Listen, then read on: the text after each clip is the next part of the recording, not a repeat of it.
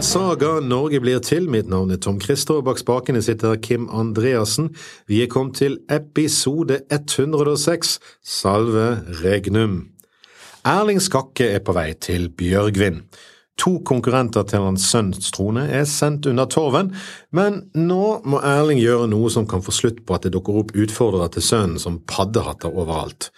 Sigurd Munn, altså den tidligere kongen, ser ut til å ha hatt en u uuttømmelige kilde av barn født av tjenesterenter rundt omkring i Norge. Men altså, jeg kan skjønne at dere nå begynner å bli litt oppgitt over Erling Skakke. Hva er det med han?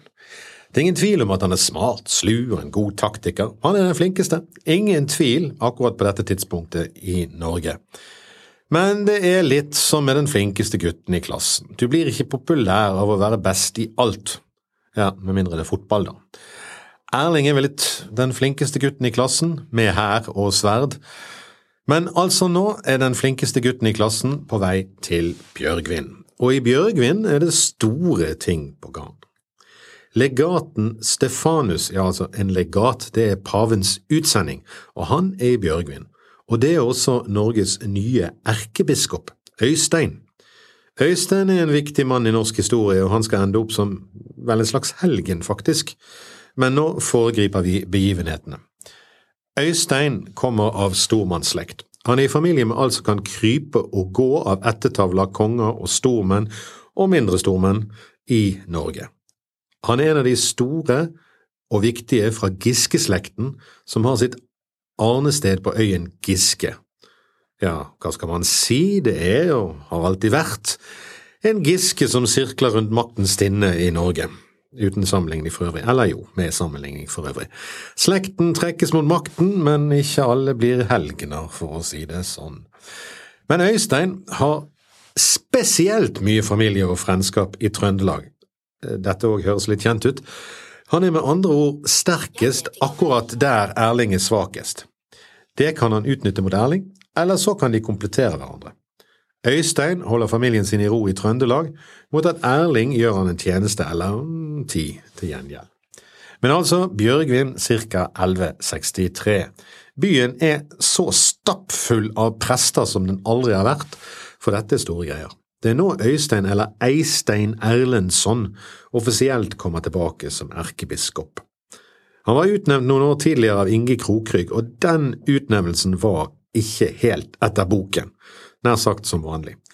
Kongen hadde altså på egen hånd, uten å konferere med noen, utnevnt en helt ny erkebiskop. Det ble litt murring av det, men som sagt, hele Trøndelag var tjukke slekter, og det var jo der han skulle um, erkebiskopet, eller hva det nå heter, residere, er det vel. Grunnen til at han utpekes har noe med slekten hans å gjøre, og litt med at han rett og slett hadde vært Inges egen prest. Øystein er godt utdannet i Nidaros og i Paris, mest sannsynlig. Men for å få bekreftet sin erkebispestav må Øystein sanksjoneres av paven. Så Øystein drar til Roma. Han kommer ikke av gårde før i 1159, og innen han kommer tilbake er Inge Krokrygg død og etter hvert en liten rekke av mulige utfordrere til Magnus Erlingsson. Han kommer tilbake med en pavelig legat, som sagt, Stefanus, og ser ut til å ha enten invitert eller bare spontant blitt møtt av hele Kirke-Norge i Bjørgvin. Jeg har vel en mistanke om at det er Bjørgvin som er første stopp, og alle vil være den første til å hilse på den nye erkebiskopen og pavelegaten, selvfølgelig av helt religiøse årsaker, de kan jo både det nye og det gamle, og de kan i hvert fall de nyeste teoriene, bønnene og salmene, og kanskje litt fordi sjansen er jo der, viktig å kjenne sjefen, kan jo bety en litt hyggeligere prestekall enn indre langt vekk i fjord nord i langt vekk i staden. Hit kommer altså Erling Skakke og sønnen Magnus. De vasser gjennom flommen av prester, og Erling får etter hvert Øystein i tale. Det er ikke så unaturlig, de to har mye å snakke om, den egentlige makten, for eksempel, og makten over troen. Nå er det ikke helt rett fram med pavene og Øysteins sanksjonering, eller hans pallium, som det heter. Der er nemlig to paver. Én som fikk flertall i avstemningen, mens én er støttet av et stort mindretall, eh, de tysktalende statene, altså Det hellige romerske eller tysk-romerske riket. Det var flertallspaven Alexander 3. som mest sannsynlig ga Øystein hans pallium. Tyskerpaven Viktor var ikke involvert. det var et lite problem med det. Danskekongen støttet Viktor. Mer om danskekongen siden. Øystein er uansett erkebiskop i alle øyne nå, i hvert fall der nord i Trøndelagen. Så begynner de to mektige menn å tale med hverandre. Hvordan det foregikk, vet vi egentlig ikke, men det er så nært i tid fra Snorres forfatterskap at det nok er slik at hovedpunktene er noenlunde sånn som han forteller. Det begynner med at Erling Skakke beskylder erkebiskopen for å bryte loven. God start, Erling, men Erling er som alltid en taktiker. Er det sant som jeg hører at de har øket ørelaget i sakøret deres nord i landet? Sakøre er de avgifter og bøter bøndene må betale ved brudd på kirkeretten i dette tilfellet. Øket ørelaget betyr egentlig at de må betale med en mynt som inneholder mer sølv enn det som har vært vanlig. Dette dobler egentlig inntekten til Øystein. Øystein svarer, det er visselig sant, bøndene har unnt meg det. Det har de gjort av egen vilje og uten noe tvang. Med det har de økt Guds heder og vår stols inntekter. Ja, helt klart. Det er en idé de har kommet på sånn helt av seg sjøl, disse slektningene hans i Trøndelag. Erling utfordrer han. Er dette herre Den hellige Olavs lov, eller har du tatt litt vel hardt i i forhold til det som står i lovboken? Ikke har vel Den hellige Olav forbudt å øke Guds rett? Erling repliserer raskt. Vil de øke deres rett, da vil de vel støtte oss i at vi øker kongens rett like mye? Øyvind er raskt tilbake. Øystein er raskt tilbake. Du har nå allerede øket din og din sønns rett, men om jeg har tatt ørelag av trønderne utover loven, da tenker jeg at andre lovbrudd er større når en har gjort en til konge som ikke er kongssønn, for det er verken lov eller tradisjon her i landet. Dette er farlig tale. Mener biskopen at Magnus ikke har rett til tronen? Ja, han antyder faktisk det. Erling påpeker at Magnus ble valgt til konge med biskopens viten og støtte. Ja, sier Øystein, men da lovde du, Erling, at du skulle styrke Guds rett allesteds med din kraft. Styrkingen av Gud er tydeligvis veldig konkret og tallfestet på denne tiden, det dreier seg kort og godt om penger. Erling tenker seg ikke lenge opp, han har på en måte Øystein akkurat der han vil ha han.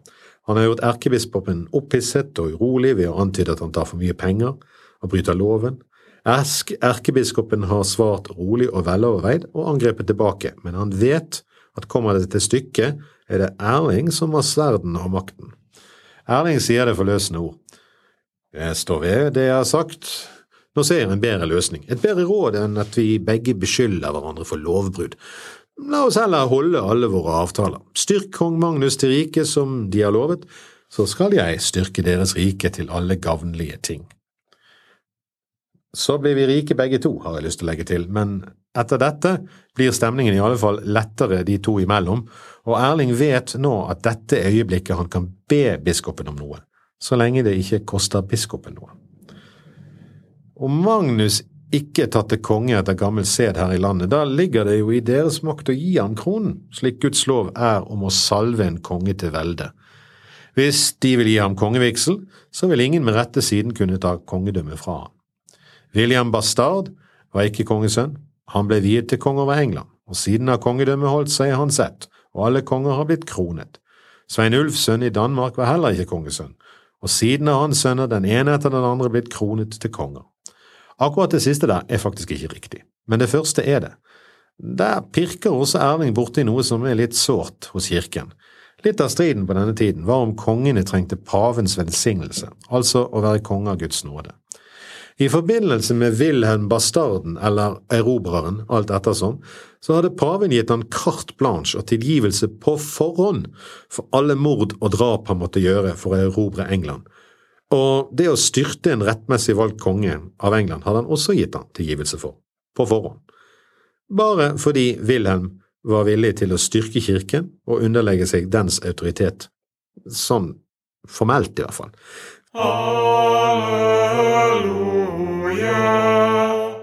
Wilhelm var ikke spesielt god på underkastelse, skulle det vise seg, men det var i alle fall i navnet paven som måtte salve kongen. Det prosjektet gikk kort og godt til helvete. Wilhelm drepte så mange så vilkårlig at selv paven fikk litt kalde føtter, men det er en annen historie. Han ble kronet, Wilhelm altså. Så her forsøker Erling å overtale Øystein til å krone og salve hans sønn, for på den måten få retten til å krone selv om sønnen ikke er sønn av en konge. Og dette er viktig for å forsøke å unngå mer strid om kronen og arverekken og sikre Magnus' stilling. Vi har nå en erkebispestol her i landet. Det er stor heder for vårt land. La oss øke den med gode ting og ha en kronet konge, ikke mindre enn engelske menn eller danene. Danene hadde ikke det, men altså, la gå. De to snakket mer om denne saken, og mye, men de måtte også få pavens utsending med på det, og det skulle vise seg å være hm, lett som en plett. Stefanus syntes dette var en skikkelig god idé, det, vil si, det var en liten ting. Øystein hadde noen ønsker.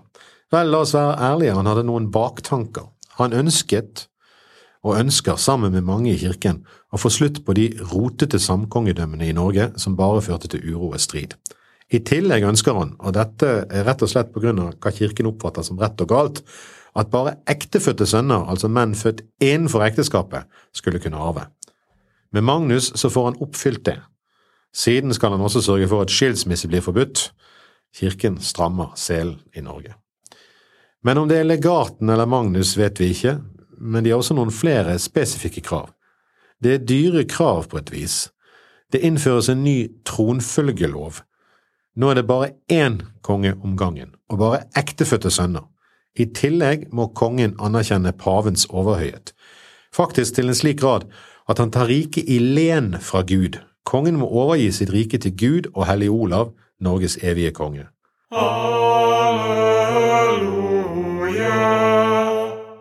Etter kongens død skal kronen legges på Nidarosdomens alter som sjelegave til Olav den hellige. På hans vegne skal kirken da gi kronen videre til den kirken mener er best egnet. På denne måten overgir nå Erling kongedømmet til kirken. Norge går fra å være et arvekongedømme til å bli et geistlig valgrike, et len under kirken. Dette er dramatisk, men viser hvor langt Erling er villig til å gå for å sikre makten for sin sønn. Men det viser også hvilken tro han har på at denne sønnen vil ha makt nok til å tvinge kirken til å akseptere hans etterkommere som konge. Eller kanskje han tenker bare at gjør denne dealen nå, så får vi se hva fremtiden bringer av muligheter. Etter dette er det slett ikke noe problem å få pavelegaten og alle andre kirkelige maktmenns velsignelse for dette. I Bjørgvin i 1163 stelles det nå til stand et gilde som ingen i Norge har sett maken til før. Prester og biskoper kommer alle som en, stormenn fra hele riket kommer også. Gildesalen prydes, og veggene dekkes med vakre tøy og gulvene med tepper. Alt er det flotteste og det kosteligste en kan få tak i. Alle hirdmenn og håndgangne menn til Erling bevertes og er med på gildet. Alle stiller seg opp i kongsgårdens gildehall. Nå kommer erkebiskopen med sin bispestav hevet frem, og han sier sine bønner og velsignelser, og vigsler Magnus Erlingssønn til konge i Olav den helliges sted. Fem biskoper og alle prestene gir sitt besyv med. Frem kommer så Erling Skakke i spissen for tolv lendmenn. De sverger loved med kongen og lover å være ham tro. Så står jubelen i taket, og i Bjørgvin feires det i kongsgården slik det aldri har vært feiret før. Erling og Magnus deler ut gaver til alle de fremmøtte, det er en stor dag. Den største for Erling, han har lykkes, hans sønn er konge. Midt i alt dette står altså en åtte år gammel gutt. Magnus er ikke voksen, han er en guttunge, og hva som går gjennom hans hode når alle disse stormennene bøyer hodet for han, og prestene og biskopene ved sine staver sier latinske fraser over han, det er ikke godt å vite, men det er nok overveldende. Er han redd? Er han glad? Er han stolt? Er han oppspilt? Skjønner han hva som foregår? Vi vet ikke. Det er ikke mye plass til barnet i han i denne kvelden, og i sagaen er det bare farens stemme vi hører. Men skyene samler seg igjen i sør. I Danmark sitter kong Valdemar og lurer på hvorfor han ikke inviterte festen. Han hjalp jo Erling da han var som svakest. Nå vil han også ha betalt som avtalt. Han sender en purring. Et middelalderens svar på inkasso. Hei du, Erling, vi minner om at regningen er forfalt, og nå vil jeg ha Viken.